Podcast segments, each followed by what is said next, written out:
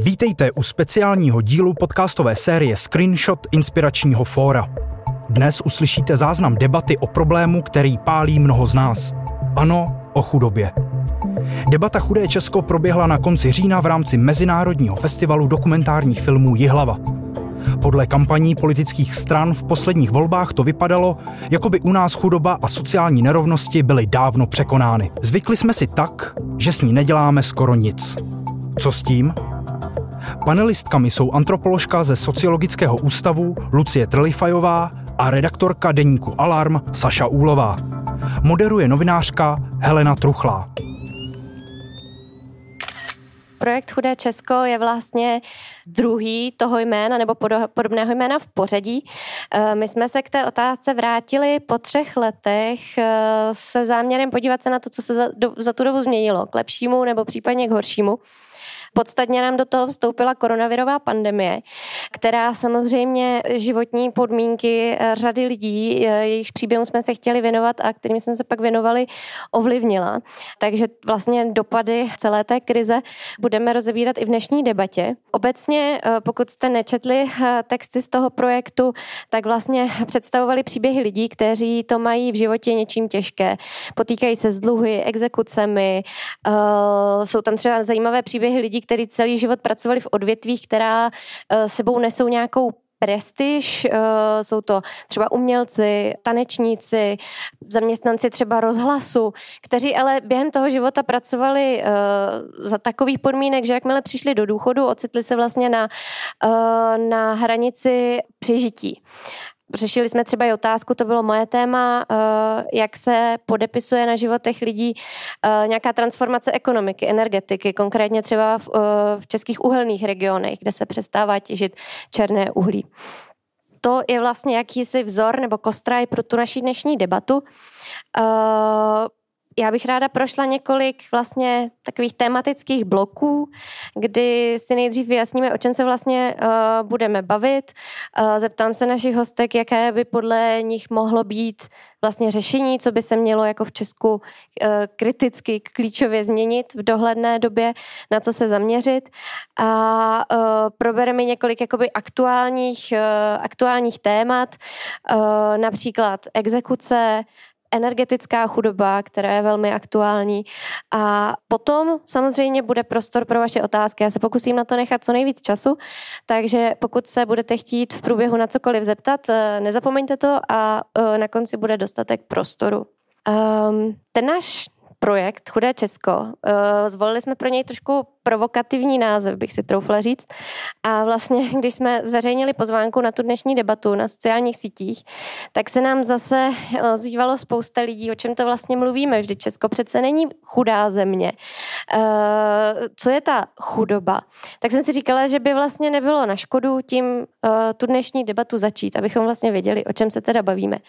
Paní Telifajová, je Česko z pohledu antropoložky něčím chudé? A proč to, když tak není na první pohled vidět? Já totiž mám pocit, že ten problém je trošku s tím pojmem slova chudý.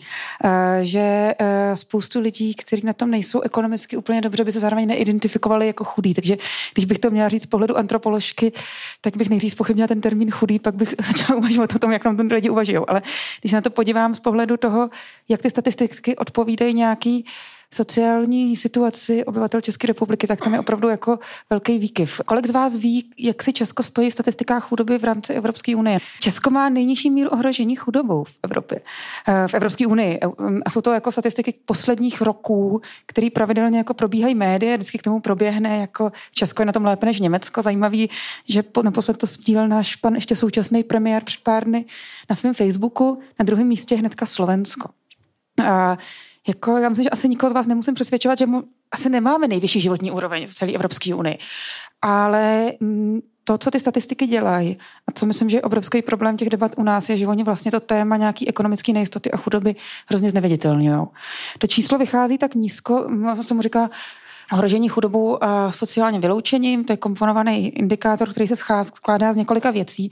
Jednak to měří lidi, podíl lidí, kteří jsou ohrožený materiální deprivací, to znamená, že si nemůžou dovolit nějaký počet z výčtu sedmi věcí. Jsou tam takové věci jako jíst maso, zaplatit televizi a takovéhle věci, uh, jíst obden maso, myslím, uh, ten indikár je dost kritizovaný už teďka, ale tam my máme hrozně nízký číslo, protože my nemáme zase tak velkou skupinu lidí, kteří byli úplně v extrémní chudobě. A ten český sociální systém, i když je jako extrémně jako problematický, tak jako většinu těch lidí udrží aspoň nad tím, jako že mají nějaký jako základní úplně jako nouzově přežívají. Jo?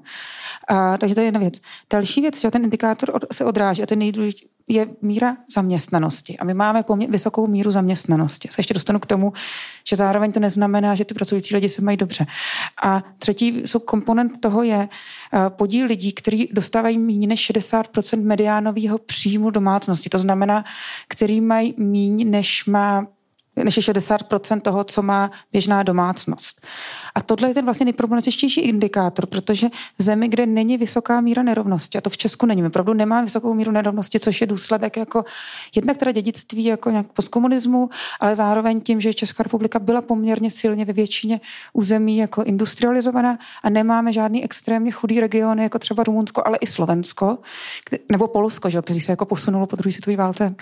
Eh, takže mm, tady nejsou jako velký rozdíly, zas tak velký rozdíly, jo, jako nějaký rozdíly žitý zkušenosti v rámci Česka vidíme, ale nejsou tady velký materiální rozdíly, nejsou tady velký příjmový rozdíly.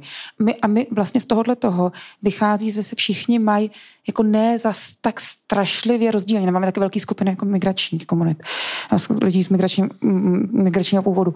A co je ale ten problém je, že zároveň my se nemáme tak dobře, ale ono to znamená je trošku tak, že všichni se nemají až tak dobře. Jednou jeden respondent v takovým jako pomezí Karlovarského Plzeňského kraje říkal, ten problém je, že se nikdo nemá úplně špatně, ale nikdo ne úplně dobře. A jenom, když se podíváme zase na nějaké statistiky, které tohle trošičku podkládají, tak eh, existuje eh, statistika, která měří takzvanou paritní kupní sílu mest, to znamená, co jde koupit za mzdu v jednotlivých evropských státech. A tam najednou se z těch jako premiantů posouváme úplně na chvost Evropy. My jsme na nějaký jako pátým, šestým místě od konce. Z pohledu toho, z toho jde za českou mzdu v přepočtu ve srovnání s jinými evropskými státy koupit. Když takhle srovnáme minimální mzdu, i, to, i přesto, že ty poslední roky roste, tak je téměř jedna z nejnižších v Evropě, jak v absolutní hodnotě, jak v relativní hodnotě, tak ve vztahu k průměrním mzdě. Takže jakoby ten problém je, že když se všichni nemají zase tak vysoký mzdy, ale není to tak nerovný, tak z těch statistik vypadáváme jako překvapivě velmi dobře. A jsou v těch statistikách zahrnuté exekuce? A to je ještě poslední dobrý připomínka. Český statistický úřad sbírá ty statistiky před exekučníma srážkama. A byl k tomu, myslím, jeden připočet, který říkal, ale že ono by to vyskočilo o nějaký 3-4%. Jakože zase nás to dostalo někam blíž k tomu průměru, ale ne tak vysoko. Děkuji moc. Paní Ulová, vy jste ve své novinářské práci vlastně hodně v kontaktu s lidma, jejich třeba životní reality si uh, lidi žijící někde v, prostě v Praze s nadprůměrným platem jen těžko umí představit. Uh, jak jste s nimi v kontaktu dlouhodobě. Uh, jak vlastně z pohledu jakoby jich a z pohledu vašich uh, uh, tyhle ty debaty jakoby o chudobě v Česku uh, vypadají? My se jako nepovídáme o chudobě, samozřejmě, když uh, se stýkám s lidmi, kteří jsou na tom uh, nějak hodně špatně, tak uh, řešíme jejich konkrétní problémy, ale jakoby ne, většinou ne, nevedeme filozofické úvahy na téma chudoba. S tím, že oni by se, jakoby hodně těch lidí, kterých znám, by se i za chudý asi označili, protože jsou to lidi, kteří jsou teda všichni v exekucích, to je jasný. Já jsem jenom chtěla říct, že těch lidí v exekuci je opravdu hodně, že jich je teda jako tři čtvrtě milionů v Česku a vlastně týká se to ještě i jejich příbuzných, že jakoby ta, to, že třeba oni jsou v exekuci exekucí jejich dětí, takže ono to jakoby zasahuje ještě mnohem větší počet lidí a když si vezmete, že nás je 10 milionů, ty odhady jdou, jsou až ke dvou milionům, že to vlastně jakoby zasahuje pětinu té populace, jo, což je prostě jako strašně velký číslo. Takže to, že jakoby znám tolik lidí v exekuci, jako vlastně není divný. Uh, tak uh, ty lidi jsou v exekuci, často se uh, mají nejistý bydlení, to je takový prostě jakoby hodně uh, provodní jev, že uh, samozřejmě jako nemají hypotéku, nemají vlastní bydlení a to nájemní bydlení je prostě uh, strašně nejistý, ty smlouvy u nás jsou krátkodobí, uh, je velmi problematický se stěhovat uh, z mnoha důvodů, jednak, že to jsou velký náklady, jakoby, že člověk musí platit prostě uh, velkou částku, takže pro ty lidi třeba to, jako oni se potřebují přestěhovat a pokaží se znova zadluží už jenom jakoby tím stěhováním, protože prostě na to nemají. Dneska zrovna, jako ještě než jsme si psali, tak dneska jsem byla na Moldavě, to je v Krušných horách a tam je taková bývalá horská chata, kde eh, nějaký pan uh, Jakeš provozuje ubytovnu, eh, kde bydlí hodně seniori nebo i lidi, kteří prostě vlastně nejsou moc pohybliví A nebo třeba lidi, kteří prostě jsou jakoby trochu alkoholici a e, ta obec je asi 15 kilometrů od prvního nějakého normálního obchodu.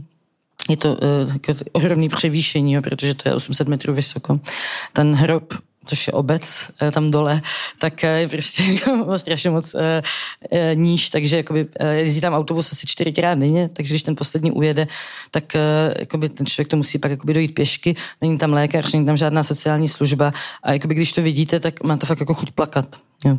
Že to je fakt jako něco tak strašného, v čem tam ty lidi žijou a samozřejmě taky ano, jsou v exekucích a zároveň tam ale jakoby platí vlastně skoro všechno za, to, jako, za, ty malé prostory, které tam mají ve vnitřních výtah, takže ti, co jsou nepohybliví, tak se v podstatě od tam nemůžou dostat. A teď jsem se dneska dozvěděla, eh, že to budou zavírat 31. Eh, prosince a že jsem přemýšlela, protože některý lidi znám jako osobně, eh, protože jsem tam natáčela takový pořad, který bude mít dneska premiéru. A uvažovala jsem jakoby třeba jakoby na koho apelovat, nebo jakoby koho já bych měla konfrontovat. Já jsem vlastně v tom předu já nikoho nekonfrontuju, protože uh, vlastně jakoby to není nelegální. A nejenom, že to není nelegální, ale kdyby takový místa nebyly, tak ty lidi jsou na ulici. Nebo jsou mrtví, protože jako Eh, zároveň, ale teď oni 31. prosince vystěhují, někteří třeba nemůžou ani chodit a já vlastně nevím, jakoby na koho se mám obrátit, kdo by to měl řešit. Oni mají trvalý pobyt různě, ale ani není povinnost obcí u nás jasně zákonem daná, to se dá jakoby vykládat různě, postarat se o svoje občany a uh, vlastně není žádná instance, kam já bych mohla jakoby volat, jakoby teda jako s tím, že chci třeba jakoby ten názor do reportáže a upozorňovat na to, ten, ta obec jakoby, od toho taky dává ruce pryč, jo, to, jakoby, ty lidi nejsou ani její občani a jakoby, vlastně jakoby, s tím nemá nic společného. A to mně vlastně přijde strašný, že jsme tady 30 let po revoluci v situaci, kde jsou tady takovýhle místa, málo kdo o nich ví a ty lidi v té obci samozřejmě jsou strašně naštvaní, že tam teda bydlejí lidi, kteří smrdějí a tak, ale i ti lidi v té vesnici říkají, kam ty lidi půjdou a to je strašný, že po nich chtějí tolik peněz jakoby, za, za, za tak strašné podmínky a, a není, není kam se dovolat. No. Eh, mě vlastně napadla eh, k tomu taková doplňující otázka. Vy jste říkala, že vlastně, že se tady nikdo nemá zas tak dobře, nikdo se nemá zas tak špatně, že vlastně jsou nějaké jako ty sítě, které udržují třeba lidi před propadem jako dolů. A jak je to třeba právě s tou pomocí, kdybychom chtěli uh, podobným lidem vlastně zajistit nějaký jako důstojný uh, život. Jsou na to ty mechanismy třeba ve srovnání se zahraničím, jestli jako já jsem to možná řekla moc pozitivně.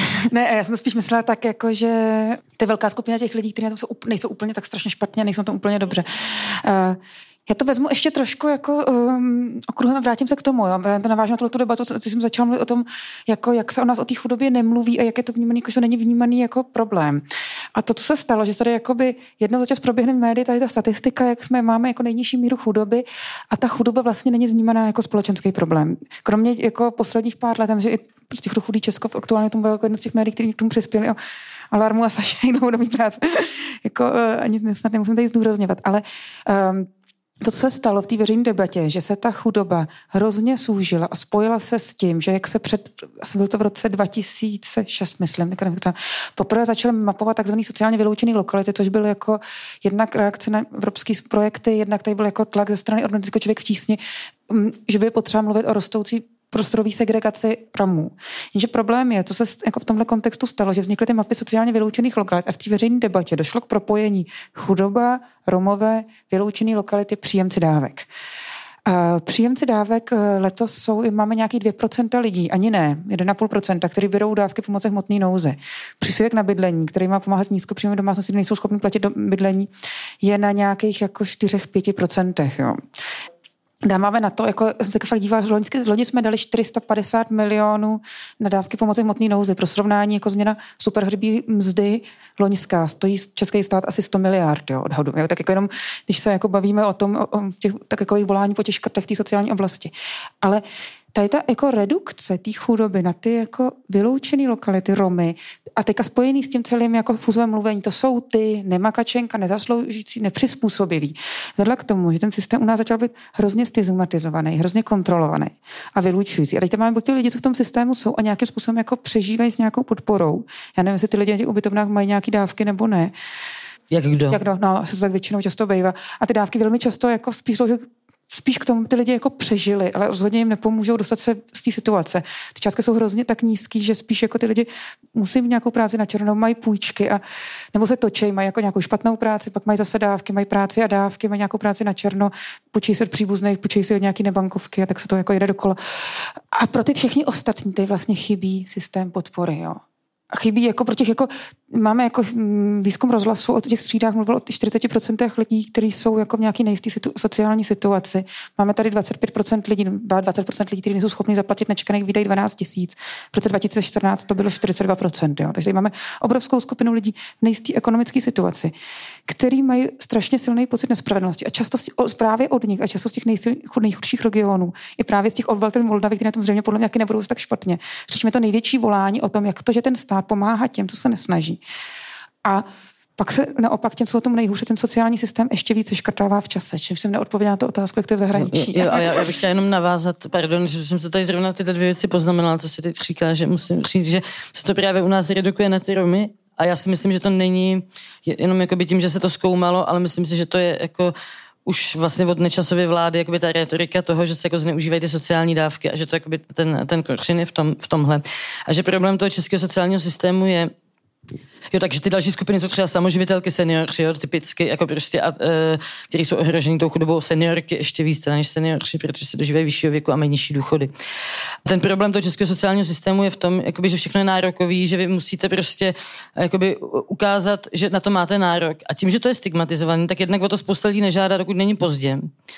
Jo, a později třeba ve chvíli, kdy už dlužej za ten nájem. A pak už jakoby vlastně ten příspěvek na to bydlení nedostanu, protože dlužej za nájem. Ale e, vlastně odkládají to a spousta lidí, kteří mají nárok na to, ty dávky brát také neberou, protože jakoby to pro ně ponižující. A nebo taky prostě se jim nepovede projít tím systémem, protože jako na těch sociálních úřadech samozřejmě oni chtějí vlastně dávat těch dávek co nejmíň. Jo, takže i, ty, i když třeba na to nárok mají, tak se jim jako e, vlastně jakoby ne, nezvládnou dodat všechny ty papíry a nakonec jakoby to nepobírají. A uh, vlastně v Česku nejsou žádné dávky, které by byly třeba, protože má člověk děti. A hrozně, jako teď jsem zase poslouchala nějakého budoucího ministra, nevím čeho teď, co bude, a říkal, jak musí to být hlavně adresní, jo, jakoby ten systém. A to vlastně vede k tomu, že jako uh, je to stigmatizovaný a k tomu, že to vlastně nepobírá, že to jako necílí na ty lidi. A uh, třeba jakoby, my bereme jako normální, že lidi mají úlevy na daních, když mají děti. A to vlastně jakoby, je výhodný pro lidi, kteří vydělávají hodně peněz, ty si toho jakoby všimnou, nebo aspoň nějaký peníze. Jo? Já třeba dostanu 44 tisíc, jako když eh, já nezaplatím daně a dostanu jakoby, peníze, protože mám hodně dětí. Jo? Ale jakoby, lidi, kteří mají třeba ještě víc dětí než já, tak jakoby, oni nevydělají tolik, aby jako, prostě někde jsou jako zaměstnaný a jakoby, ne, nedostanou na konci jako, eh, takovýhle peníze. Tak, uh, protože prostě ani to nevydělají. Podle mě by, jako by jsme měli opustit tu ideu toho, že všechno musí být jakoby zasloužený a například, já nevím, třeba obědy by mohly být ve škole zdarma, bylo by to vlastně takový, jakoby to, že třeba si všichni platíme za dálnice v daních, i když tím autem nejezdíme, jako s tím jsme v pohodě, ale proti tomu se pokaždý zdvihne strašný humbuk. A problém je ale v tom, že my nejsme schopní jako společnost ty děti najít, ty, kteří to potřebují a zacílit to na ně skutečně. Jo? Takže to buď jakoby budou mít hlad, anebo to dáme všem. A to vlastně jakoby tenhle princip, jakoby to se považuje za populismus a dělají to jakoby ty levicové vlády, ale vlastně on pak jakoby zacílí i na ty lidi, kteří to potřebují. Uh-huh. Uh, my jsme se předtím trochu bavili, že vlastně ta nějaká data statistického úřadu o chudobě v Česku jsou z března 2020, takže ještě třeba úplně nereflektují ten vývoj posledních uh, měsíců, roku a půl.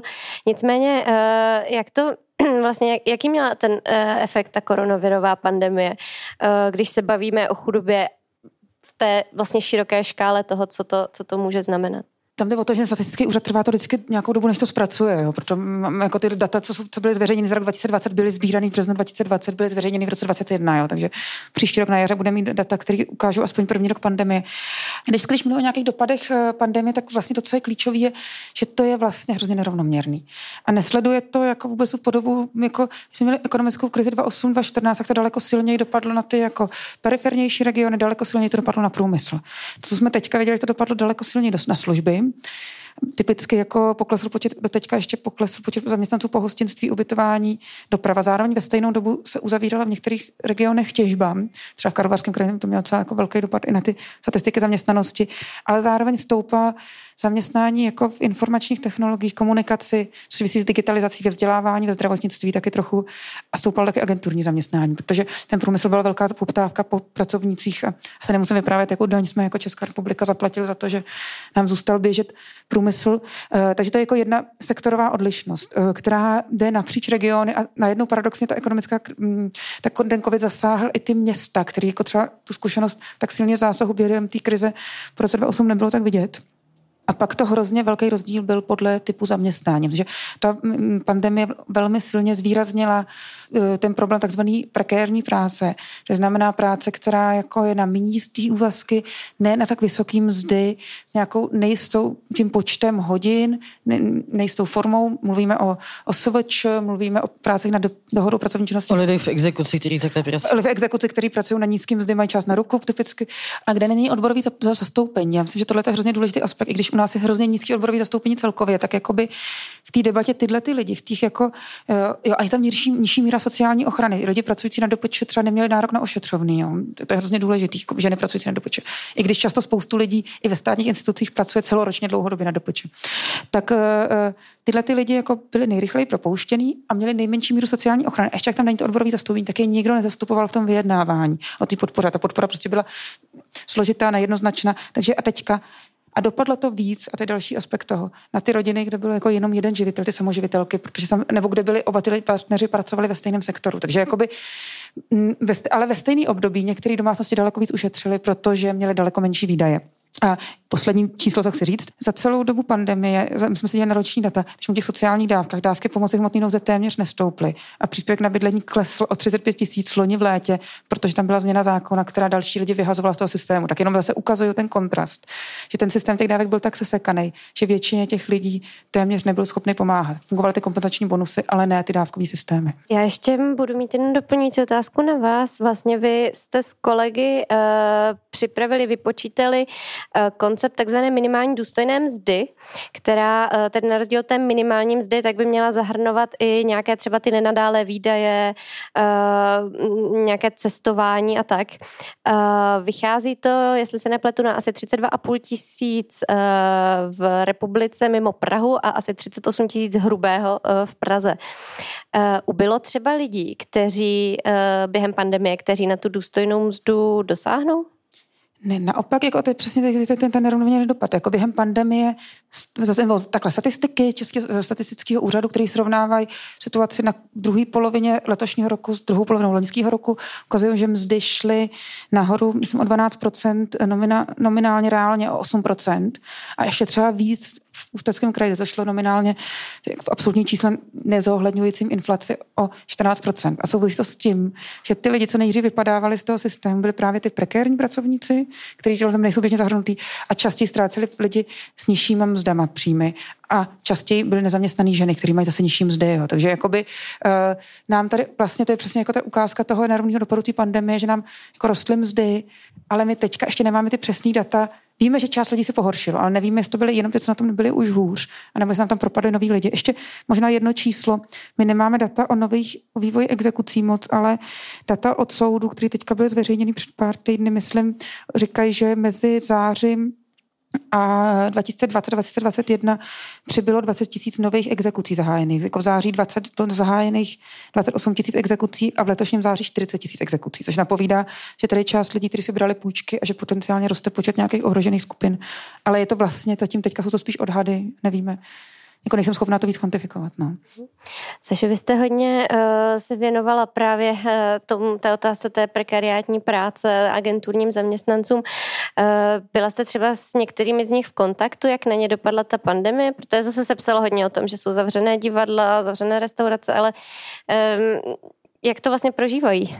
No tak uh, záleží, kde dělají. No. Jakoby, že, když někdo dělá ve fabrice, tak je to dobrý. A uh, vlastně jakoby, za ty poslední roky čím dál tím lepší, protože ty mzdy jakoby, rostly i v těch minulých letech, nejenom jakoby, uh, teď. A když uh, jakoby, v podstatě, jako, tam vlastně ale nedělají často lidi, nebo většinou tam nedělají lidi, kteří jsou jakoby, v exekucích, A člověk, který je v exekucích a potřebuje živit rodinu, tak má v podstatě jedinou možnost a to je jako uh, dělat na černo. Jakoby, že třeba, jako takový klasický případ, a těch fakt známe jakoby desítky. Uh, manželka uh, je doma s dětma, uh, bere dávky, na bydlení a, a takže třeba jako to pokryje skoro celé to bydlení, jako to, to, co všechno dostane od toho státu, i na to živobytí, i na to bydlení, tak jakoby padne jakoby na to bydlení.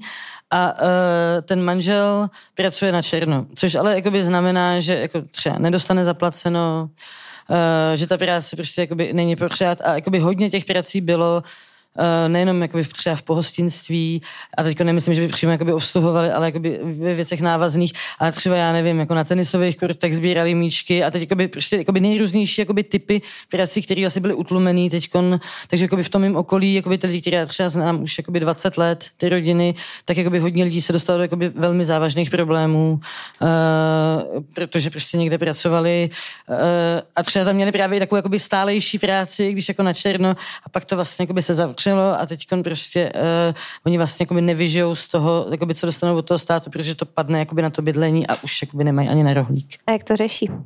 Různě. Uh, jakoby třeba si dělají nějaké sbírky, uh, trošku se krade, no. Tak já nevím, jako, jak, jako, jak to, jako, prostě když třeba jako, ty děti mají hlad, tak prostě to jídlo ukradnete, no. Že tam jenom řeknu nějaký čísla zase, jo, abychom jako věděli, o čem mluvíme. Životní minimum bylo jako navýšený na 3880. Částka se na živobytí měla zůstat dospělý osobě, že sama, když jste člověk v rodině, tak je 3550 pro první člověka, další 3200 a na to dítě to je mezi 19 a třeba tisíce na měsíc, musí pokryt všechno, jo, jako oblečení, jako tady ta představa, jako to není jenom o tom jídle, ale jako musí to pokryt, já nevím, dámský vložky, jo, nebo tak, jako takový, jako věci, co možná, co když se nasčítají, tak jsou jako poměrně vysoký. Plus, když jsou ty lidi v exekuci, nevím, zkušenost, tak velmi často přijde ten exekutor, oblepí jim ty věci a oni jsou ochotní mu zaplatí nějaký dvě, tři stovky nebo pětistovku. I tisíce, aby... jako počou si prostě na to zase jinde, aby mu mohli dát. To jako potom, co mu jim probíhají ty srážky zemzy, a to je to druhý čas, kterým jsem chtěla říct, jako my máme hrozně nízký ty nezavlitelné částky, co zůstávají lidem v exekuci. Jo. Tak já jsem se, když má někdo hrubou mzdu 38 tisíc, a pokud je jedinec, má čistou 30, tak mu z toho zůstane 14 871 a nemůže si nikdy vydělat víc. Když bude mít 50 tisíc, tak se nedostane legálně víc než na těch 14 800, 870. Jo. Pokud vyživuje další osobu, tak má matka samoživitelka z 38 tisíc, jí zůstane 17 495. A zase cokoliv víc vydělá, o to přijde. A pokud bude pracovat za 25 tisíc, což je teďka za co třeba nabízí operátor nebo skladník v Kadani, i třeba středoškolské vzdělání, tak 25 tisíc jednotlivci zůstane 12 170, což je jako 25 tisíc už je docela slušná mzda pro člověka s nízkým vzděláním a s exekucí. To je to nevýhodně trhu práce.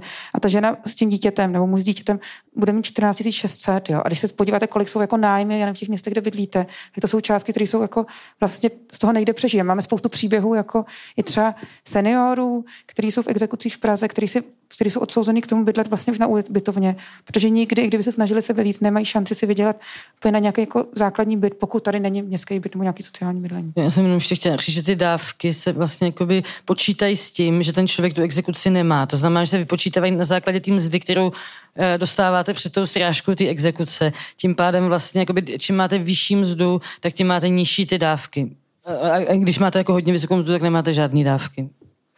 Eh, já bych navázala hned právě na to téma těch exekucí, protože teď byla snaha s tím jako něco udělat. Eh, máme novelu exekučního řádu a shodou okolností dneska začíná takzvané eh, milostivé léto, což je asi bezprecedentní akce v Česku. Ta nabízí možnost oddlužení vlastně pro lidi, kteří dluží u veřejných institucí. Typicky třeba, myslím, největší podíl je tam u zdravotních pojišťoven, nebo jsou to takové ty pokuty za jízdné a tak dále. Zůstane jakoby jenom ten původní dluh, to znamená odepí, odepíše se všechno penále, všechny eh, ty další poplatky, které se k tomu přičítají.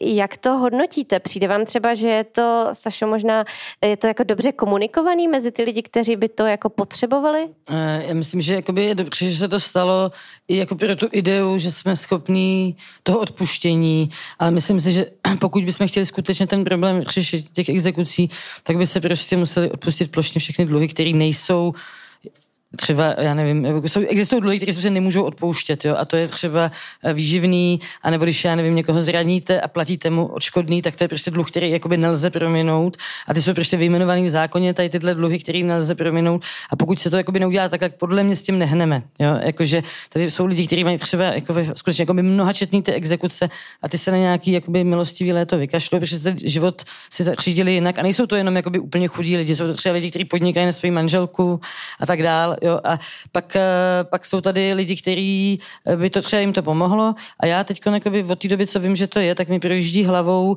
komu všem bych měla dát vědět, protože jsem si jistá, že ty lidi to nevědí. Jo? A vlastně nevím, jakýma kanálama, dokud to vlastně nebude tak, že by ta instituce přišla za nima a řekla, tak my vám to odpouštíme, tak jako by ty lidi potřebují mít kontakt s nějakým sociálním pracovníkem, což jako by velmi často nemají, a který prostě na to upozorní a provede tím. Mm-hmm. Z vašeho pohledu to je jeden důležitý aspekt ty dluhové problematiky u nás. Jo? Jakože Teďka vyšel Eurofound, eh, dělal hrozně zajímavou studii o dluzích v Evropě, kdy říká, dluhy jsou efekt v chudobě, nebo dluhy dostávají lidi do chudoby. A to v té české debatě téměř nepřítomný. Tam je pořád přesvědčivý ten diskurs. Ty lidi neuměli šetřit, nechovali se zodpovědně. Ale jakoby opravdu velká část těch dluhů, ty dluhy jsou disproporčně koncentrovaný u nízkopříjmových lidí. Když se budete bavit, my o tom úplně nemáme data, ale na úřadu práce vám řeknou 90% lidí, co bere dávky, má dluhy. A třeba v Amazonu 30% lidí je v exekuci, jo, kteří pracují v Amazonu, dobrovízkem. Uh, tak jenom, aby jsme jako viděli, a kolik lidí znáte vy ve svém okolí, s vaším, který ty exekuce mají, jo. No tak oni to třeba taky nevědí, ty lidi no, ale... znají, ale jako by v našem prostředí blbý o tom mluvit. Ale uh, ne, co chtěla vyprávět, ten příběh naší exekucí v Česku ale není jenom problém jako nedostatečných příjmů, ale je to problém, že ty částky narostly těch nesplatitelných částek v důsledku systémového nastavení. Uh, jako u těch právě jako nesplati, poj, nepojistní, nebo to jsou dluhy na nájmu o obcích, kde byl takzvaný úrok z prodlení, který umožnil, že během roku se ta částka dostala na dvojnásobek a rostla v čase třeba deset let, to nikdo nevymáhal, to obce neřešili. Jo. Takže my máme na stránkách spotu analýzu, jsme měli s Radkem Háblem, ten pro odložení, který ukazuje, jak se právě stalo, že se z dluhu jako půjčky 20 tisíc, nesplacených 5 tisíc stal jako 150 tisícový dluh, což není jako neobvyklý příběh. Jo. A to jako, zase myslím, to je obrovský argument pro to, proč bychom měli uvažovat o nějakém odpouštění nebo velmi jednoduchým zpřístupnění těch uh, té insolvence, což je u nás jako pořád velmi složitý v kontextu Evropy. A uh, jakoby ten problém je, že tady byl systémový nastavení, který dostávalo lidi do těch pastí nesplatitelných dluhů. Ty dluhy právě na zdravotním pojištění jsou často sekundární. Jo. Třeba člověk vyřazený z úřadu práce, z evidence, tomu vzniká dluh na pojištění, nebo právě lidi OSVČ, kteří neměli na to, jim na pojištění, nebo dluhy, lidi, co prostě přestali pracovat, nenahlásili se na pracák. Tak, tak tam to často vzniká ten dluh na pojištění. To není ten primární dluh. Jo. Takže tam právě říká Saša, když jsem třeba analyzovala insolvenční rejstříky, tak ty lidi z více dluhy tam mají jeden dluh na pojistným, ale mají tam třeba pět různých jako nebankovních společností a jednu jako bankovní, jo, GE Money Bank nebo něco takového.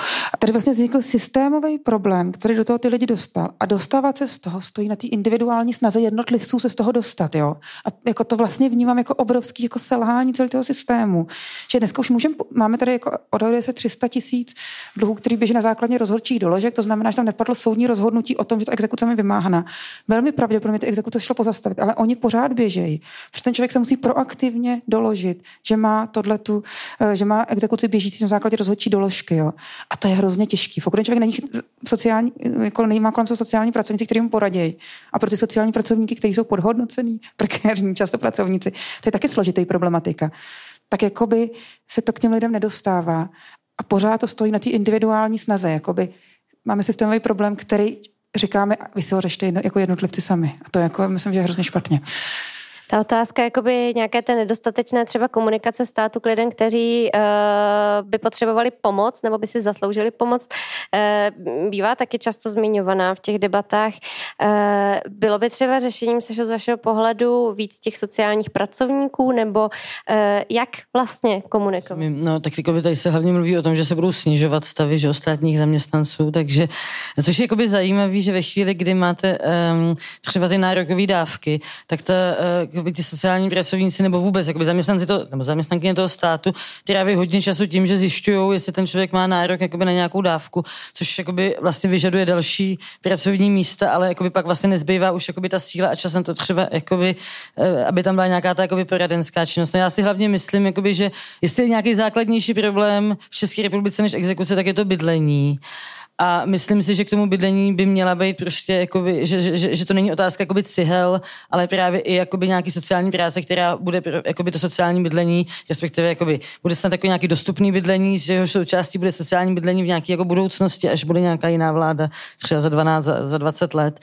Tam potom jakoby, si myslím, že ta sociální práce, jakoby, ano, že, myslím, že tam jakoby můžeme navýšit, tak aby skutečně jakoby, ta sociální pracovnice měla nějakou jako kapacitu a čas na to jakoby, s tou rodinou nějak komunikovat. Oni mají tolik, že jakoby často to je prostě úplná halus. Jo, jakoby, že vlastně jako vůbec nemůžou řešit jednotlivý ty problémy.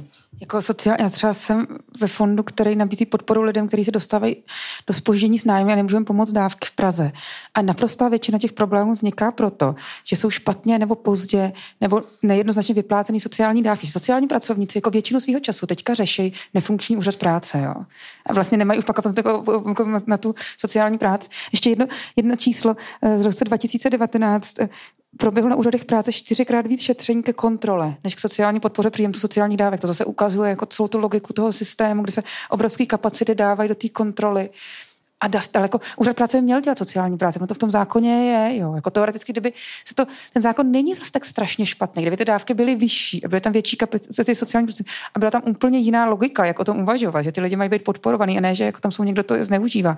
Tak jako by spoustu těch nástrojů už jako je, jenom se vůbec ne, nepoužívají, nejsou na ně kapacity a chybí tam nějaká jako empatie, citlivost. No a to jsem vlastně jako ještě chtěla dodat, že jakoby to zneužívání, o kterém se mluví, jak jsem tady jakoby, vlastně mluvila o těch rodinách, kde teda jakoby pracují na černo a berou ty dávky, to vlastně je to zneužívání. Ale jakoby velmi často je to jako je tak, že kdo, do té situace dohnal ten systém tím, že oni jsou tady jakoby v těch exekucích, jo, a teď prostě jako, eh, za, jako by, že byli strašně nízký mzdy, teď eh, platili jako hodně za nájem, teď se museli stěhovat, zadlužili se, dostali se tady jako do těch dluhů a tak dál a tak dál.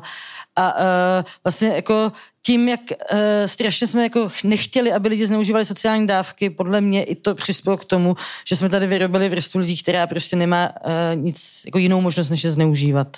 Nebo já bych tomu neříkala zneužívat, ale jako asi je to to nejsprávnější slovo. To je proto pojem mm, strategie přežití. Ano, to je, to je neutrálnější.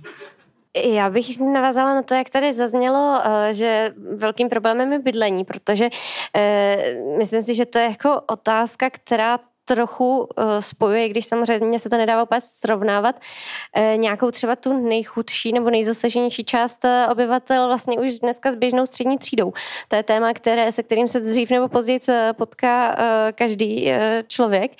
Um, já jsem si tak trošku pročítala vlastně ještě před volbama návrhy politických stran, jak to jako řešit. Hodně se tam mluvilo o výstavbě uh, obecních bytů, uh, dost jako v obecném uh, tónu. Některé strany naopak navrhovaly podporu jako pro bankovní půjčky pro ty, který, kteří si chtějí vlastní bydlení koupit. Existuje nějaký třeba ucelený způsob a zase by mě třeba napadlo se nějak jako podívat do zahraničí, jak jako vyřešit prostě to bydlení, nebo jak začít aspoň řešit to bydlení, aby z toho profitovala nějak jako společnost jako celek, Sašo? Jo, tak, jakoby, že jo, tak v Česku je problém, že vlastně tady 91-2, nebo kdy to bylo, stát převedl jakoby bezúplatně ty, eh, ten bytový fond na obce.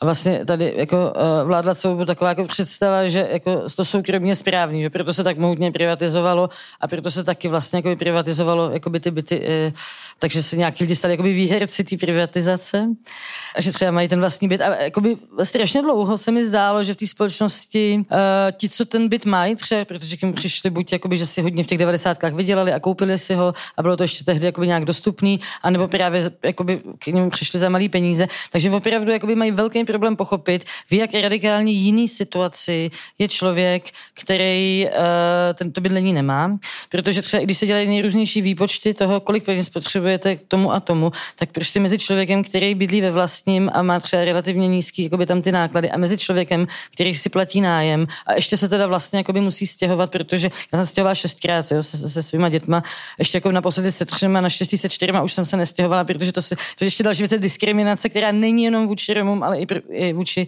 eh, vícečetným rodinám nebo rodinám se psama, jo, jakoby těch skupin je samozřejmě víc. Takže jakoby to je, to je jakoby, myslím, jako dělení té společnosti jakoby úplně zásadní, kde jakoby zase trošku teda, pak je to jakoby jinak venkov město, kde jako na venkově je hodně lidí, kteří třeba nejsou bohatí, tak bydlí ve vlastním A nebo jakoby, pokud oni sami jsou v exekuci, tak je to třeba někoho, ale jakoby nějak bydlí.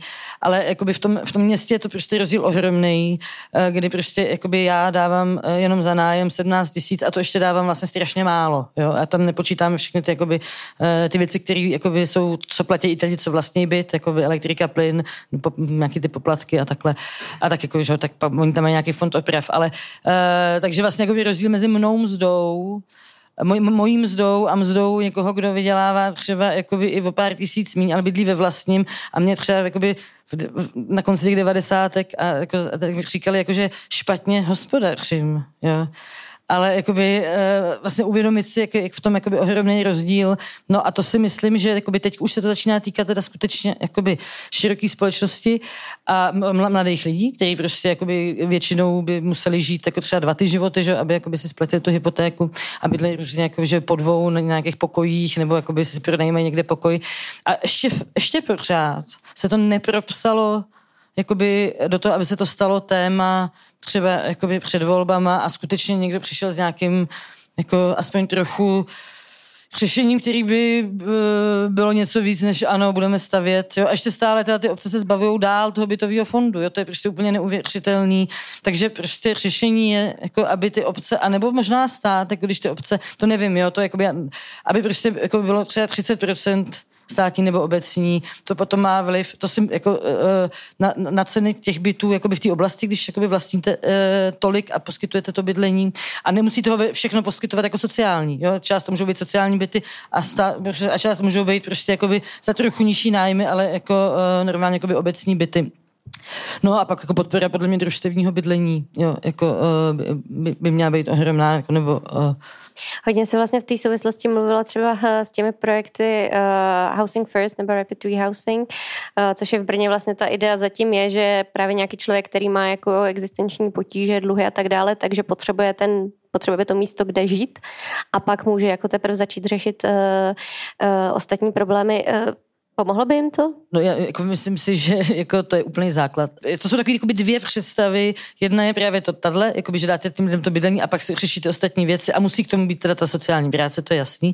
A ta druhá je, že ty lidi se jako snažit, jo? to je ta pravicová, ta, jakože prostě nejdřív budou teda jako na tom, na ty ubytovně, pak se dostanou do toho azyláku a takhle se jako prokapou někam nahoru a ono to nefunguje i z toho důvodu, jakoby, že vlastně třeba bydlet na té ubytovně a nebo bydlet i na tom azyláku, kde vás třeba jako často Uh, že ne, nemáte, jakoby, nemůžete tam jakoby dělat to, to, to, co potřebujete a jste taky v nějakém stresu, uh, tak uh, vlastně jakoby vám nedá tu možnost uh, se jakoby zaměřit na ty vaše problémy, protože furt jste jakoby v té nejistotě. Jo? Jakoby to, jako nebydlet anebo nevědět, kde budete bydlet s rodinou, je prostě jako nejhorší věc, jo? Uh, která se člověku může stát a vlastně jako skutečně ta kapacita potom jakoby řešit jakoby třeba nějaký dluhy, práci, tohle a do toho vlastně vy nevíte, jakoby, jestli vám to nezavřou, jestli už vám neskončí ta doba, kdy můžete být na tom azyláku, jo, vaše děti si nemají vlastně pořádně jakoby, kde učit a tak dále. To je prostě, jako stačí podle mě strávit pár dní na nějaký ubytovně, aby jakoby, to těm lidem došlo, když jakoby, dávají ty dobré rady, jak ty lidi se mají snažit, ale to fakt jakoby, není místo,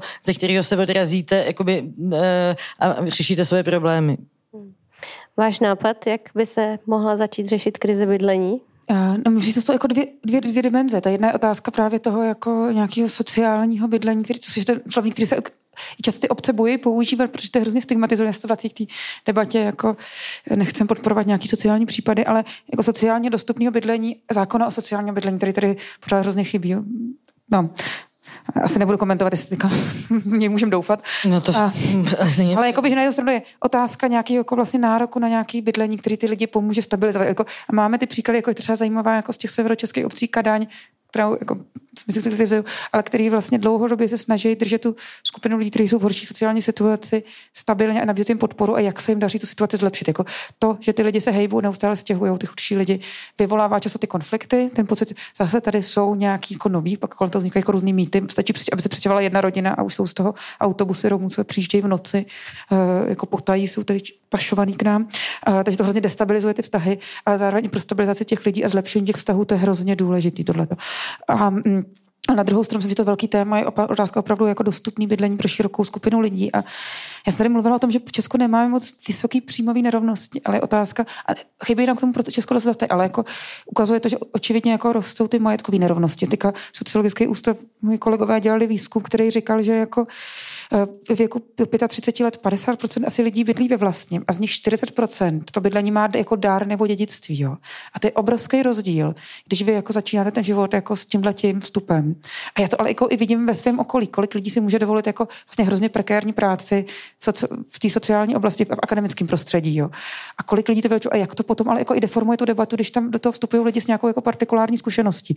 Takže a tady se musíme opravdu bavit o takových věcech jako daněních. To, že jako, a v tomhle kontextu my jsme zrušili daň z nabití nemovitosti loni, což je dalších 14 miliard. Jo. Zase, že to srovnáme s těma peněz, částkama, co jdou na dávky, je to úplně neuvěřitelný. Ale vám, já jsem se měla vrátit jako debata o regulaci nájemného o zdanění jako... Já jsem zapomněla, s tím 100% no, souhlasím. Zdanění investičních bytů, jo, jako těch dalších bytů. To je jako obrovský, jako, že ty byty jsou jako investiční. A pak otázka nějaký vyjednávání kontribuce developerů, kdy tedy jako to, to dneska v zákoně není nějak okotvený a když jako, já znám ty debaty na obcích, tak ty obce vlastně mají hrozně omezený nástroje, jak to dělají a je potřeba k tomu vytvářet legislativní nástroje a možná se pak jako za desítky let dostaneme něčemu, jako je Vídeň. Ale jako teď jsme na fázi, kde potřebujeme ty bytové fondy jako zvyšovat aspoň, aspoň trošku je reálný, eh, nechci úplně tu debatu státět jako na politiku, ale je podle vás reálný, že něco z tady toho se začne třeba aspoň eh, projednávat nebo vznikat nějaký návrh?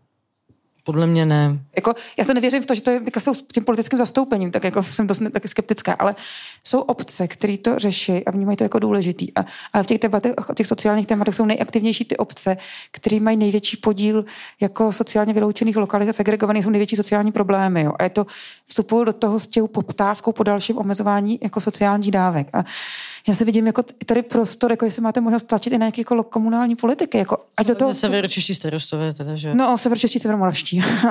vlastně třeba stáli za tím, což je jakoby hrozně zajímavý paradox. Jo? Oni stáli za tím, že není zákon o sociálním bydlení, nebo jakoby tlačili na to hodně a jakoby ty političky se báli třeba jakoby jít proti ním. A, a co je ale jakoby strašně zajímavé, že vlastně jako to, že tady jakoby není třeba povinnost obce nějak jakoby se starat o ty své občany vedlo k tomu, že dělo se to hlavně na začátku jakoby v devadesátkách a, a, a, tak, ale děje se to kontinuálně, že prostě z, z obcí, jako je třeba Praha, se dostávají lidi, kteří prostě tady e, nějak jakoby neuspějou, tak se odstěhují potom někam, nebo je někdo odstěhuje, to, to jsou nejrůznější finty, jako že prostě e, jim zaplatí za to, e, že oni bydlejí v nějakém bytě, odkupí nějak tu smlouvu, pak je tam jako někam odvez, řekne jim, že to vlastně někde prostě v Janově, v Litvínově. A vlastně jakoby se, jakoby, že vlastně jakoby to špatně, jakoby dopadá to negativně jakoby na ty severočeské obce, protože tam bylo jakoby to volné bydlení, takže se tam nastěhovalo spousta lidí a vznikly tam sociální problémy, které by tam nemusely být, kdyby byl nějaký zákon o sociálním bydlení. Ale oni se toho bojí jak čert kříže, protože by vlastně už museli řešit ty problémy, které teda jakoby pomáhali vytvářet. No. A že jsem chtěla říct, že ti starostové a starostky, kteří přistupují naopak jako, takže se o něco snaží, tak jsou často bytí třeba tím, že se jim tam pak začnou sestěhovávat lidi odjenut, protože vědí, že tam je to dobrý, tam prostě jakoby, já nevím, dostali sociální byt a nějakým jako pomáhají z jejich situace, takže vlastně jsou, jo, že tohle je hrozná nespravedlnost potom, uh, že vlastně jakoby ti, co, ti, co dělají něco jakoby vlastně pro ty lidi, tak uh, nakonec vlastně jsou odměněni tím, že se jim tam slejvají lidi, kteří jsou na tom špatně a prostě ve větším množství to není zvládnutelné. Kde to tak třeba bylo, pardon, jenom eh, nějaký příklad. Se mi nechce, jakoby, protože mám od těch starostů a to jsou prostě tak, no. A ono jako to ani nutně nemusí být tak velkých počtech, ale ten pocit jako, a ten politický tlak na to je hrozně veliký. A jako i tyhle ty starostové, oni fungují v nějakém kontextu těch svých regionů a oni se musí vyjednávat nějakou svoji pozici. Jo, ale ta uh, starostka za ODS, co byla u mostu, jak se to jmenuje? Uh, um, No. A to říkala i ve Kříně, o tom mluvila. No. která nebyla špatná, byla z ODS. No, ale bylo to, to, no. bylo to trochu paternalistický. No, bylo to paternalistický, ale taky to máš, sociálně jsou taky paternalistický, že? Ale jsem chtěla říct, že jako vlastně v těch bohatších obcích vlastně na to není politický tlak, aby se v těch tématech angažovali. A já trochu doufám, že teďka ta změna, že tím, že i třeba to bydlení začíná být téma pro tu střední třídu, že by se ty obce jako větší mohly víc angažovat v té veřejné debatě a do tohohle toho vstupovat. Jako, že jsem zažila několik debat, i třeba byli zástupci jako těch bohatších měst, ale oni se jako stáhli, protože pro ně to nebylo důležité, pro ně nebyla priorita pro tu agendu a nebylo to to, co vytváří tu jejich politickou pozici lokálně. Tak to je jako taky důležitý. Tomu vlastně směřovala jako původně ta má otázka, jestli jakoby ten tlak třeba, když se to bydlení stává nedostupným nebo problémovým třeba pro střední třídu, jestli uh, jako ten tlak na nějaké řešení nutně pomůže i, nebo je, jestli jaký řešení, který by právě pomohlo jako všem já si myslím, že ten tlak je pořád malý totiž. jakože, ne, jasně, jako, že pokud budeme mluvit o nějaké dostupnosti bydlení, tak to očividně jako pomůže všem, ale to bych na hrozně dlouhou tráť a to jako otázka nějakého sociálního bydlení potřebujeme daleko v kratší době. Protože problém jsem jako mm, promluvují, ty konflikty se zvyšují, ale Jenom jsem chtěla říct, že minulý vlády měly ve svém programovém prohlášení, že budou mít ten zákon o sociálním bydlení. Nebyl tak uvidíme, co bude, co bude dál. Ale nebudu podle mě ani v programovém prohlášení, takže nebudeme pak zklamaný. Já bych se vrátila k tomu, co jste zmínila, té příjmové nerovnosti. E, a vlastně ta otázka toho, toho příjmu nebo vlastně chudoby nebo té prekarizace lidí, kteří normálně pracují, vydělávají a stejně jako nejsou, nejsou e, nedaří se jim prostě vydělat dost nebo hospodařit správně, jak Saša říkala. Um, vlastně jeden z letošních laureátů Nobelovy ceny za ekonomii dostal za to, že um, za svůj výzkum jehož výsledkem bylo, že zvýšení minimální mzdy nutně nemusí zvýšit nezaměstnanost. Což je známá věc. Uh, což je argument, který se objevuje už dlouho. Teď teda zase, zase kolem toho jako vedla debata v Česku. To pořád jakoby uh, je točený spíš tak, jako že teda vyšší minimální mzda, méně pracovních míst, velký špatný. E, minimální mzda se v posledních letech zvyšovala několikrát. E, teď to navrhovala ČSSD, jestli se nepletu před volbama. Z vašeho pohledu? Jako by celou dobu to navrhovala ČSSD. Jasně, ale jako myslím no. teď jako před volbama z těch jo. stran uh, to navrhovala ČSSD, která teda není ani ve sněmovně, takže měla by dál růst ta minimální mzda, bez no, ohledu teda. Jo, já jsem chtěla jenom říct, že vlastně předtím bylo dlouhý období pravicových vlád, kdy se nezvedala vůbec, nebo jenom prostě jakoby uh, o inflaci. Takže uh, jakoby v době, v roce 2007, 2016, na konci roku 2016 byla uh, nevím, 8 tisíc. E, taky jsem si všimla, co bylo zajímavé, že pak se dva roky e, na to zvyhala, já nevím, z 11, nevím na kolik. E, a najednou e, vznikla debata na to, o tom, jak je to strašný, že je tak nízká, ale předtím, když byla na těch 8 tisících, tak o tom ani nebyla debata. Podle mě si většina lidí neuměla ani představit, že jakoby z toho někdo žije a to zároveň vlastně byla výše toho nezabavitelného minima, takže nejenom lidi, co dělali minim, co, minimální mzdu, ale vlastně všichni ti v těch exekucích jakoby měli uh, takhle málo. A Uh, myslím si, že má růst kontinuálně, takže vlastně jakoby furt jsme jakoby asi jedni na tom nejhorší skoro z Evropy, ne? nebo jak to, no. Uh, jsme na tom možná horší než Poláci. Je to tak, že já myslím, že jo, že jsem se na to koukala teď, jako, že jsme na to něco hůř. Tam totiž ještě takhle další věc je, jakoby, že hodně lidí říká, minimální mzdu má jako nevím, bere jako... 5% lidí. No, ale tam s, každou, s každým zvýšením minimální mzdy roste i takzvaná zaručená mzda. Máte prostě uh, asi sedm platových tříd, podle toho, tak první je ženská, že jo, to jsou prostě uh, šičky, uh, uklízečky uh, a takový recepční a tak, tak to jejich minimální mzda, jejich, jako jejich zaručená mzda je minimální. A pak uh, vlastně jakoby další povolání jsou rozřazený podle nějaké jakoby náročnosti a dalších uh, faktorů. A uh, v době, kdy byla 8 tisíc minimální mzda, tak zaručená mzda třeba pro lidi, co dělali v bankovnictví, byla 22 tisíc, si pamatuju, jenom takový údaj, já to jako nemám v hlavě. A uh, třeba kopáči jsou už ve dvojice, jo? ti nejsou v té jedničce, to je jakoby zajímavé, že jsou na tom líp než ty šičky, to mě vždycky prostě jakoby rozčílí. Protože šičky jsou švadleny, jo? to je ještě další podvod, jo? Jako, že to jsou často vyučené ženy a jakoby berou takhle strašně málo. Ty berou tady nejmí, prostě úplně ze všech. No ale to jsem to říkal, jo, zvyšovat, zvyšovat minimální mzdu určitě a právě jakoby Uh, pokud se přestane, tak jakoby, já si myslím, že jakoby skokově skutečně, když se to zvýší skokově, tak to jakoby dopadne hlavně, jako, eh, na tu ekonomiku to dopadne, jo? Jako, že když by se to zvýšilo jakoby, na, na tu úroveň, kde by to mělo být, to znamená jako nepolevovat jakoby v tom průběžném zvyšování. No. A jaká úroveň by to teda měla být? To, to jsou strašně jako těžko, protože takhle, jako když já řeknu, že člověk si potřebuje platit nájem, tak to pak zase jako neplatí pro ten venkov, kde zase jako byli vydělávají míň. To tohle je prostě strašně složité. Tak oni tady jako počítali tu, uh, minimální mzdu. Pak samozřejmě, jakoby, když uh, lidi bydlejí ve vlastním domě, uh, a třeba nemají nějaký jako moc drahý vytápění a bydlejí tam, vychovávají ty děti dva, tak jako by jim stačí míň, jo, tak jako eh, já, já prostě si netroufám tyhle odhady dělat, protože to je fakt individuální strašně moc. Jako je ta, připravuje se Evropská směrnice o minimálním mzdě, teďka tam debata, kde se mluví o 60% průměrný nebo mediánový mzdě. My jsme jsem nedívala za leto, že jako loni jsme byli na 34%, jo, tak jako, aby jsme jako viděli, jak jsme jako daleko jenom, když jsme počítali minimální důstojnou mzdu, tak ta úvaha zatím byla, že minimální mzda má být od toho, aby chránil, aby člověk měl nějaký minimální pří, příjem, ze kterého může jako aspoň vyžít, jo, ne přežít. Jakoby tady vlastně, to, když Saša mluvila o tom o strašně dlouhém období, se nezvyšovala minimální mzda, tak celá ta debata byla, práce se musí vyplatit a tak snižujeme dávky. Jo.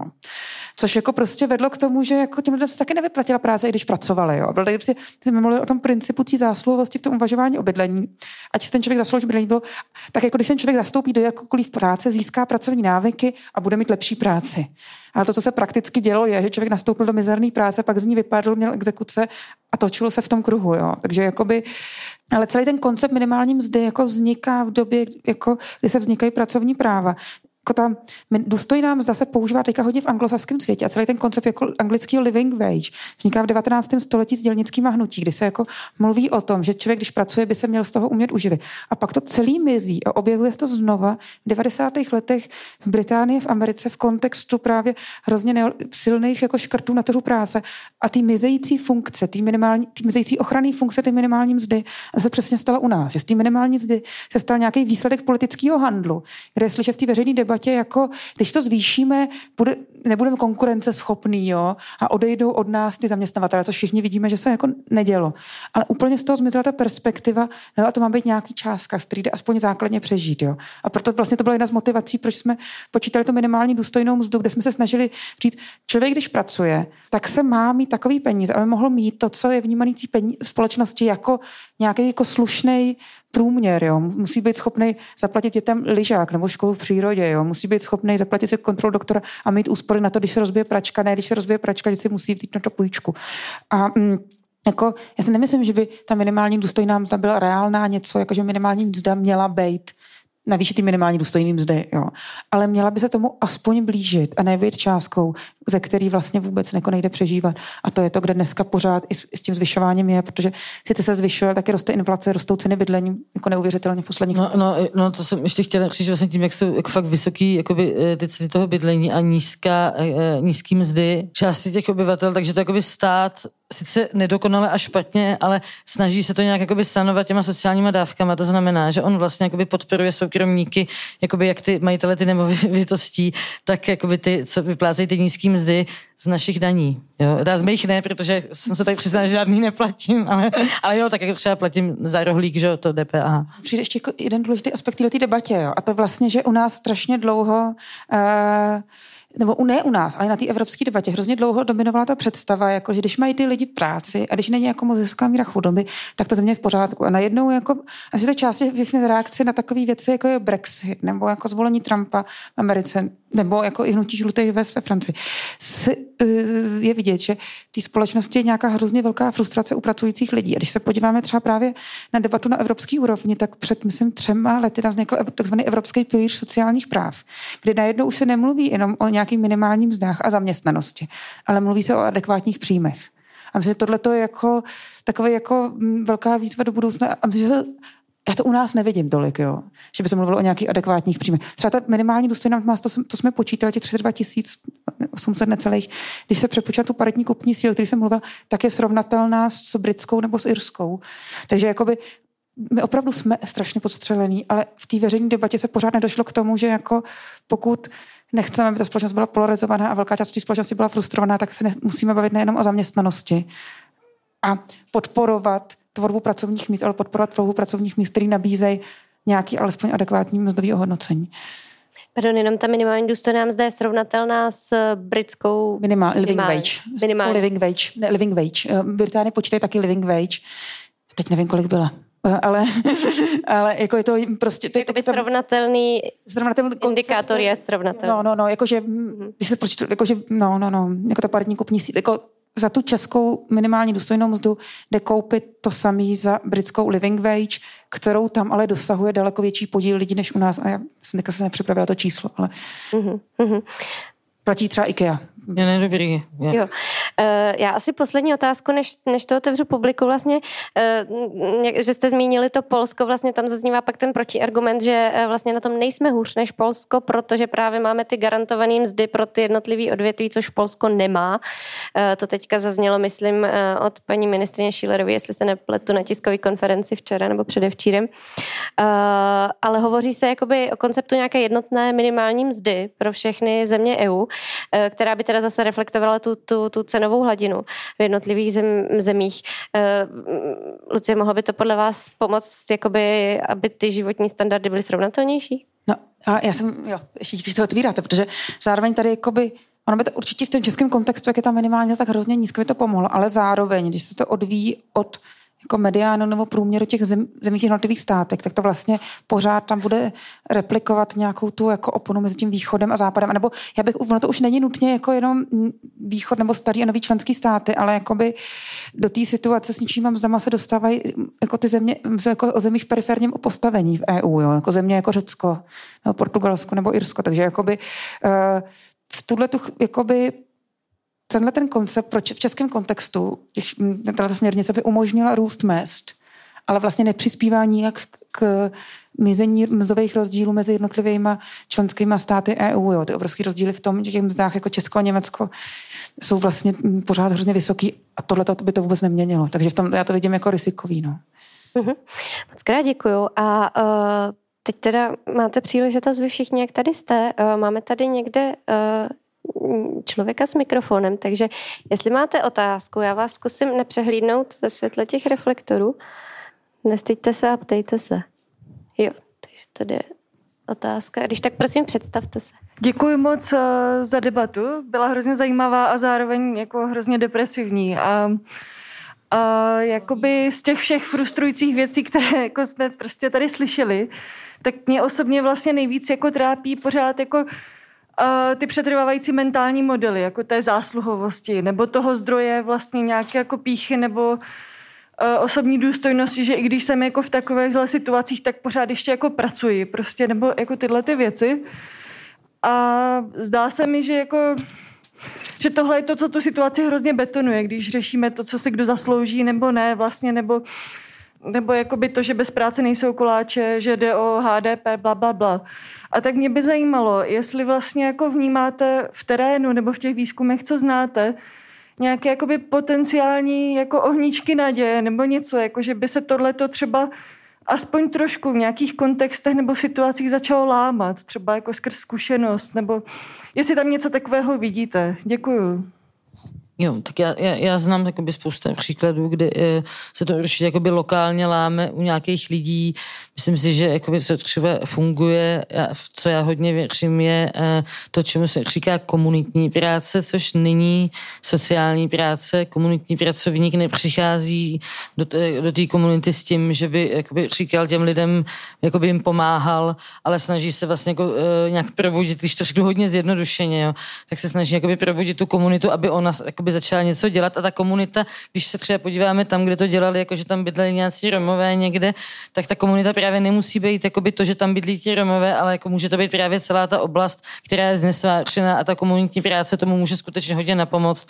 A prostě jako mluvila jsem s mnoha třeba jakoby, jako neromy, kteří změnili jakoby radikálně svůj názor, takže jako určitě jakoby existují postupy, kterým lze tohle měnit. Problém je, že vlastně jakoby úplně zásadně podle mě tu situaci ovlivňuje, jaká je jakoby ta politika sociální toho státu a tam já vlastně jakoby moc naději nevidím, protože vlastně každý ty volby se um, nějakým způsobem bojuje tady prostě už 30 let o demokracii a jakoby tyhle témata jdou stranou, protože nejsou tak důležitý, protože teď zrovna musíme zabránit tomu, aby nám vládl prostě komunismus, nebo já nevím kdo, Babiš.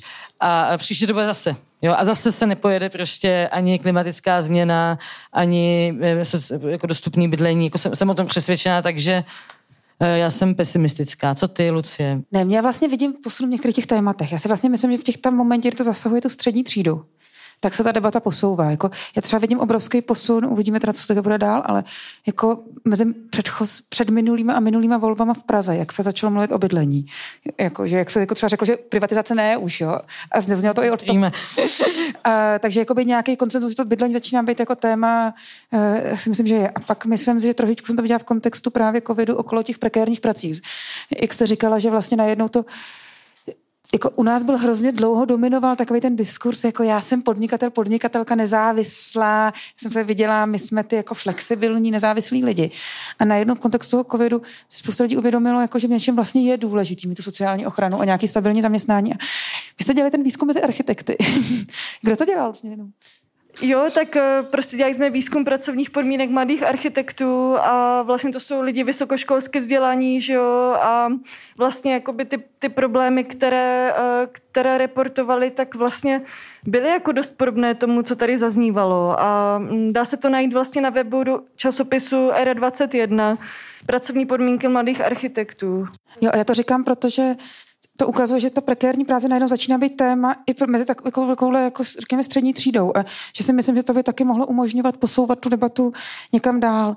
Ale třetí aspekt je, že teďka mluvím s lidmi z exekucích a mluvím s lidmi, kteří právě nejsou jako klienty e, sociálních služeb. Často nemají vůbec žádnou zkušenost s dávkama. A já jsem z toho vlastně hrozně frustrovaná, protože ty lidi mi vypráví přijít tam obrovský jako zkušenost. být pozitivní, pozitivní. Co? Jsi měla být pozitivní. Ale, to jsem už byla. ne, ale jako, a vlastně celý skončí, no ale měla jsem se líp učit.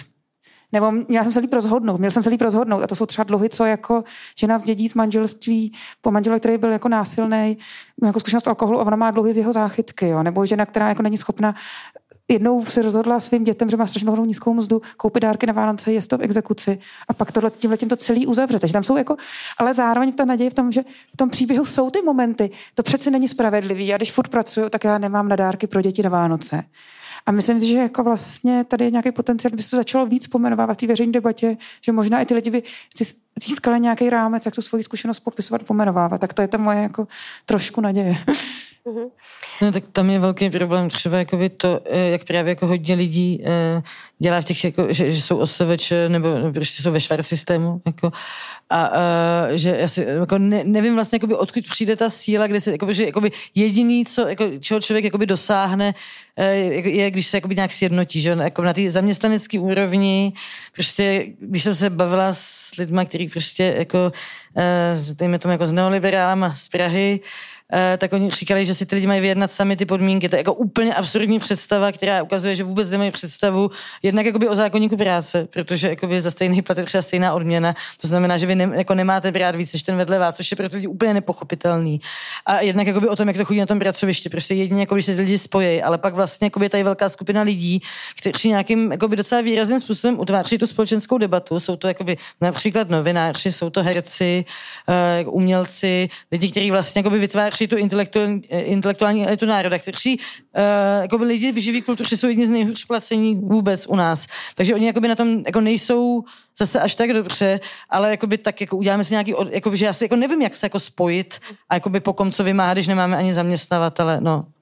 No já bych jenom vlastně uvedla příklad z toho našeho projektu, kde eh, jeden díl byl o tanečníkovi, který vlastně přesně tady ten švart systém OSVČ, špatné podmínky, nemožnost se vlastně nějak jako združovat ho přivedla k tomu, že asi ve 40 letech se dal na malíře pokojů, že vlastně neměl úplně jakoby možnost, jak pokračovat v té své jako umělecké kariéře. Pak jsme tam měli paní umělkyně, ilustrátorky třeba, nebo daberky, které pracovaly v rozhlase celý život a přišli do důchodu a zjistili, že mají na měsíc, teď nevím přesně z hlavy, ale prostě třeba 8 tisíc korun nebo 4 tisíce, když zaplatí všechno, že jim zbydou. Eh, a myslím si, že tam třeba možná roli hraje i jako stud, tady těch lidí, kteří... Jistě, protože třeba když jste mezi lidmi, kteří jsou všichni v exekuci, tak se o tom aspoň můžete bavit, jo, a není to vůbec žádný problém, ale ve chvíli, kdy jste jako mezi lidmi, kde, jo, a ještě jsem chtěla říct, že jsem napsal takový velký text na začátku covidu, úplně na začátku právě o, jakoby, uh, o tom švart systému a uh, začali mi psát právě třeba i lidi jakoby z českého rozhlasu, jak jakoby teď jsou v tom covidu, v tom švar systému a jako, že nesmím jmenovat, tak já nebudu jmenovat, už se jako jméno ani nepamatuju, ale paní mi právě nabízá, že mě třeba pozvala do popředu, aby jsme o tom mluvili. Jo, jakože by mi pomohla to téma propagovat, protože jako s kolegyněma se nemůžou domoct toho, aby je ten rozhlas zaměstnal. No, jim to přijde, že to jsou to i veřejné instituce, jo, jsou to divadla. Jako, a tam vlastně ta možnost nějakého tlaku jako je, jo. Že to není úplně, já si myslím, že ty lidi nejsou úplně vzduchu, ale je třeba zajímavý, a to, to je vlastně jako samozřejmě téma, jako, mm, jako, že ty jako v západě vznikají odborové hnutí, které právě cílí na tyhle ty skupiny pracovníků a hledají nové formy jako vyjednání, ale já bohužel od českých odborů pořád do teďka nevidím moc, že by a to, a to není jako specifický pro to česky, ale jako odbory se často strašně dlouho vnímají jako sebe, sami sebe jako za, reprezentanti zaměstnanců. A ještě těch zaměstnanců jsou odborově, u nás je 12% lidí odborově organizovaných, takže, ale jakoby i v Česku vznikají takovéhle snahy právě odborový organizování, který je trošičku jiného typu než to tradiční uvažování. No. Tak to je taky jeden směr. Díky moc. Máme další dotazy? Já jsem se chtěl zeptat, um, v tom, co jste popisovali, v té situaci, jaká je kde teda, nebo v čem vidíte selhání těch levicových stran, který tohle mají řešit? Protože ty volby, co proběhly teďka, je to tak, že ty voliče nasal je populismus a nějaký extrémisti? Nebo řeší špatný témata, jsou tam špatný? Uh, jaký, jako teď jde o to, jako proč neuspěli žádný, jako, nebo proč neuspěla jedna levicová strana, že jako v těchto volbách? No jako, když by se vzali do levice sociální demokrati nějaká ne, strana zelených, pak je tam to uskupení levice, jasně, který je úplně neviditelný, Aha. tak kde se, kde se teda děje ten problém, co ty lidi vlastně volejí? Co si slibují od nějakých stran, jako je ANO nebo SPD nebo další? Děkuji. Jakoby takhle klíčová otázka nějaký pocit důstojnosti a uznání. Jo. Jako, že, a to je prostě hrozně, jako, je to hrozně banálně, co říkám, ale jako v momentě, kdy jako pro ty lidi neexistuje čas si zastoupení v té veřejné debatě, tak se přiklání k těm jako kulturním identitám, které nějaký pocit důstojnosti a uznání nabízí. Jo. To je hrozně jako známý vzorec, který se opakuje všude možně a tak to je jako obecně, jako to, proč se jako pak přiklání k něčemu, jako, co má tendenci k nějakému nacionalismu, či to je SPD, dělnická strana nebo něco podobného. Uh, jakoby, že nemám to úplně data, ale jako říká že ty, když jako byly ty velké demonstrace proti romský, hlavně v severních Čechách kolem roku 2011, tak jako velká část těch lidí, co demonstrovala, byly sami nezaměstnaní, ale jakoby to, že jako já jdu a říkám jako eh, vymezuju se vůči těm nemakačenkům, nepřizpůsobují, nesnažící se, já ukazuju, že já jsem ten slušný, důstojný člověk. Tak to je jako jeden jako příběh. A myslím, že ta otázka je jako, že se opravdu musíme bavit o tom, jak dát těm lidem pocit jako důstojnosti. Většina lidí nechce do sociální dávky, nechce podporu. Oni chtějí jako práci, která jim dá pocit nějakého uznání a to, že jako pak ty dávky využívají, už je nějaký spíš jako efekt, nějaký chymiosanitního systému. To je jedna věc.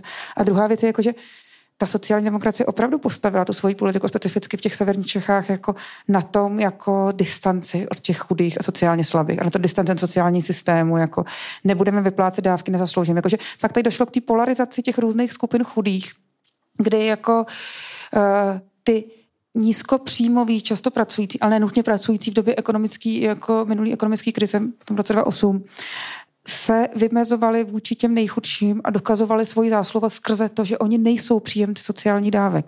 A tím se celý ten, jako, jak to mluvila, ten systém je hrozně omezený zásluhy a jsou jako výzkumy zahraničí, říkají, čím víc je systém postavený na tom nějakým testováním, tím menší má legitimitu. A bohužel ta česká sociální demokracie přesně na tenhle ten jako způsob uvažování nasedla. Ale jako to, že má za sebou ty obrovské aféry a že to využívala, jako že ten, ten protiromský jazyk, vymezování či chudým lidem využíval v době jako největších jako korupčních případů kolem Iropu, jako taky není úplně náhoda. Jo? Jako, že ta nedůvěra v tu, tu stranu jako souvisí ještě s spoustu dalších věcí, než tady nějakým diskurzním vymezování. No a kromě toho, pokud jakoby zrovna nejsou fašisti, tak jsou vlastně idově vyprázdnění, že jako, takže jako, že ten problém je, že třeba, jako já, eh, co se týká Jany Maláčovy, tak já jsem dost kritická jakoby k řadě věcí. Říkala bych, jako za mě byla dobrou ministrní práce a špatnou sociálních věcí, jo, protože právě jakoby trochu, jakoby ten, nebo ne trochu, ale prostě ten, ta, ta zásluhovost a tady to jakoby hodně zdůrazňovala a já to považuji prostě za cestu do pekla ale jakoby aspoň víme, co si Jana Maláčová myslí. Jo. Když se představte si, jako, co si myslí takový jako Hašek, Onderka, uh, uh, Hamáček, jako co, jaký mají názory, jo. To prostě nikdo to neví, jo. To, to prostě, takže jako, já třeba jsem jako jen nevolila proto, že jsem jako jednak jsem si říkala, že třeba jako Stropnický s Maláčovou by tam stejně jako neměli jako nějak, nějaký jako větší slovo, že vlastně větší slovo tam mají tady tyhle kmotři, který nemají žádný názory a Uh, zároveň jsem, jakoby mě, mě natolik vadí to vymezování se vůči těm chudým, že je to pro mě jako nepřekročitelná hranice. Jo? Takže i kdyby prostě ten proud tam získal na síle, tak já je volit nebudu, protože to je pro mě prostě za hranou. No. Ale já nejsem typický volič sociální demokracie, uh, takže uh, úplně nevím, já jsem volila zelený teda. Jela jsem kvůli tomu 800 kilometrů celou noc, abych jako zodpovědná volička autem Ještě stihneme nějaké otázky, když tak vás poprosím, uh, směřujte je na jednu uh, z hostek, ať, ať, ať uh, třeba případně stihneme ještě dvě. Tady myslím vepředu se někdo hlásil, jestli se nepletu. Dobrý den, já bych se teda zeptala paní Úhlový. jak jste tady mluvili o tom bydlení, jakoby, že by vlastně mělo být v první řadě a že by to těm lidem pomohlo. Kdo by to měl dělat? Tohleto. A pokud by to měly být obce nebo stát, tak eh, jak vlastně by třeba mělo být to vybírání těch lidí a jak by se to zohlednilo vůči tomu, komu ten byt dát.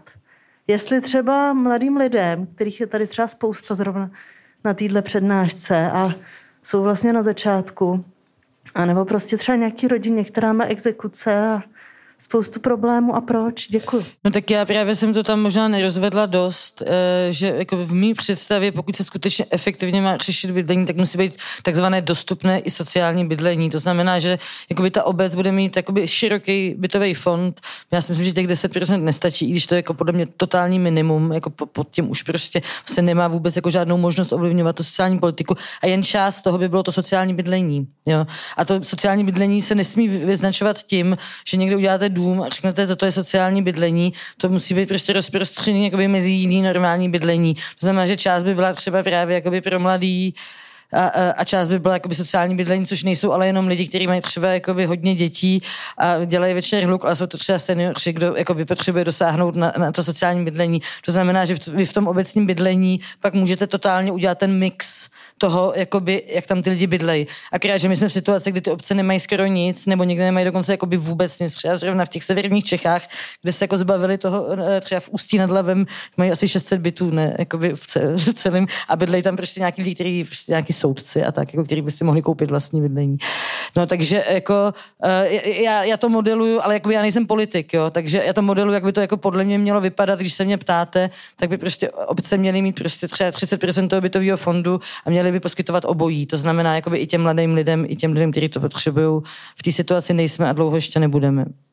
Či možná jestli to můžu trošku zpřesnit, jako by třeba, třeba měly být ty kritéria. Když si představím, že mám na jeden byt, eh, paní třeba uh, že mám prostě na jeden byt 10 zájemců, rodina s malým dítětem, to, to, to, to, jaký zvolit kritéria? No, já s tím, co říká Saša, ale to, co se, já teďka, já jsem předsedkyně bytové komise na Praze 7, jo. Praha 7 je z těch obcí, co mají 3% bytového fondu nějaký, 3, 4, já nevím přesně. A tam prostě se řeší ty hořící případy. Jako proč to jako, tam prostě se nedá, nedá mladým lidem, protože že se řeší situace seniorů, kteří jsou vystěhovaný z bytu, který tam žili 20 let, protože se zvedají nájmy. Jo. Řeší se situace rodin na ubytoven a řeší se jako vlastně to, co my jsme teďka v té situaci a myslím, že ale bohužel v nějakou dobu ještě jako budeme, kdy jako tohle to má největší jako náklady. Jo. Jako, že otázka nějakého základně důstojného dožití starých lidí, myslím, kteří jako v té obci žili dlouho. A, a otázka podpory rodin s dětmi, aby ty děti prostě nevypadly to systém měl nějaký přístup ke vzdělání a měl jako, jako životní šanci. Uh, jsou asi teďka třeba ty klíčové dva principy a plus se to dává jako nějaký jako služební byty, aby ta obec měla nějaký zaměstnance s tím, co si může dovolit platit. Jo. Tak to je jako, mluvím o tom, takhle se to dělá v té krizové situaci a pak prostě přesně jako ta otázka nějakého rozvrstvení, kde by to mělo být jako startovací byty pro mladý lidi, jako rodiny s dětmi, přesně jako nízkopříjmový, nějaký učitelé, že jo, typicky taková skupina lidí, jako, tak to jsou jako všechno jako prostě relevantní a pak se to vyvažuje jako různýma jako jsou na to mechanismy, jak tohle to dělat, ale většina těch... To zkoušený, že jako, jako to třeba vyšší krizi, no, jenom jako řešíme, jako řešíme to, kdo by příští měsíc byl na ulici většinou, no. Máme pár minut do konce a uh, já bych je využila pro takový zhrnutí. Uh, obě z našich hostek poprosím uh, o jednu věc, uh, která by se teď podle, podle vás měla začít jakoby akutně řešit. Co byste doporučili um, vládě, státní správě, uh, čím se jako může prostě hodně toho třeba znít k lepšímu. A jeden důvod k optimismu, co vlastně, eh, co nám dává nějakou naději nebo signál, že do budoucna problematika chudoby v Česku eh, bude lepší, než tomu eh, bylo doteď. Tak Lucie, jestli chcete začít. Já jsem pro zvyšování daní. Progresivní daň a daní z, maj, z majetku a zdanění korporací velkých na evropské úrovni. A pak se můžeme bavit o všech těch hezkých věcích, o kterých tady mluvíme. A jinak ten optimismus je podle mě v tom, že se mění ta sociální citlivá společnost, že vy tady sedíte, tak to, že vy o tom píšete, tak to je za mě ten optimismus. Díky moc, Sašo. Bylo to jako na Českou republiku, ale to jako v podstatě jako se asi podepíšu pod, eh, pod to, co řekla Lucie. No. Jako, uh, s tím, že ještě daňový ráje, že jo, tak to je velký, velký problém. A mě jako xkrát napadlo, že vlastně se mluví o tom, Uh, že teda třeba není jakoby to progresivní zdanění a tak dále a tak dále, ale vlastně jako lidi ztrácejí v současné době vůbec jakoby důvěru ve stát a jeden třeba jakoby z problémů podle mě je, že on jakoby neplní své základní funkce a to je třeba vybírat ty daně, respektive umí je vybírat o, o těch chudých jako, eh, formou jakoby těch jakoby daní třeba jako, uh, jako daně z přední hodnoty, ale vlastně jakoby ty velké daně jakoby mu unikají a pak nejsou, ne, nejsou peníze na ty výdaje. Přitom ty firmy teda jakoby vlastně využívají všeho, že ty infrastruktury, školství, jejich děti a tak dále a tak dále. Jo. To je ta debata prostě s tím ANKAPem a uh, vlastně jakoby, i když tady nevyhráli, tak se zdá, že za těch posledních 30 let jakoby v tom světě jakoby to, to, to nějak jako nabralo na síle a my si to nějak musíme vzít zpátky, jinak špatně dopadneme. No. A to je to pozitivní. To, musíme si to vzít zpátky.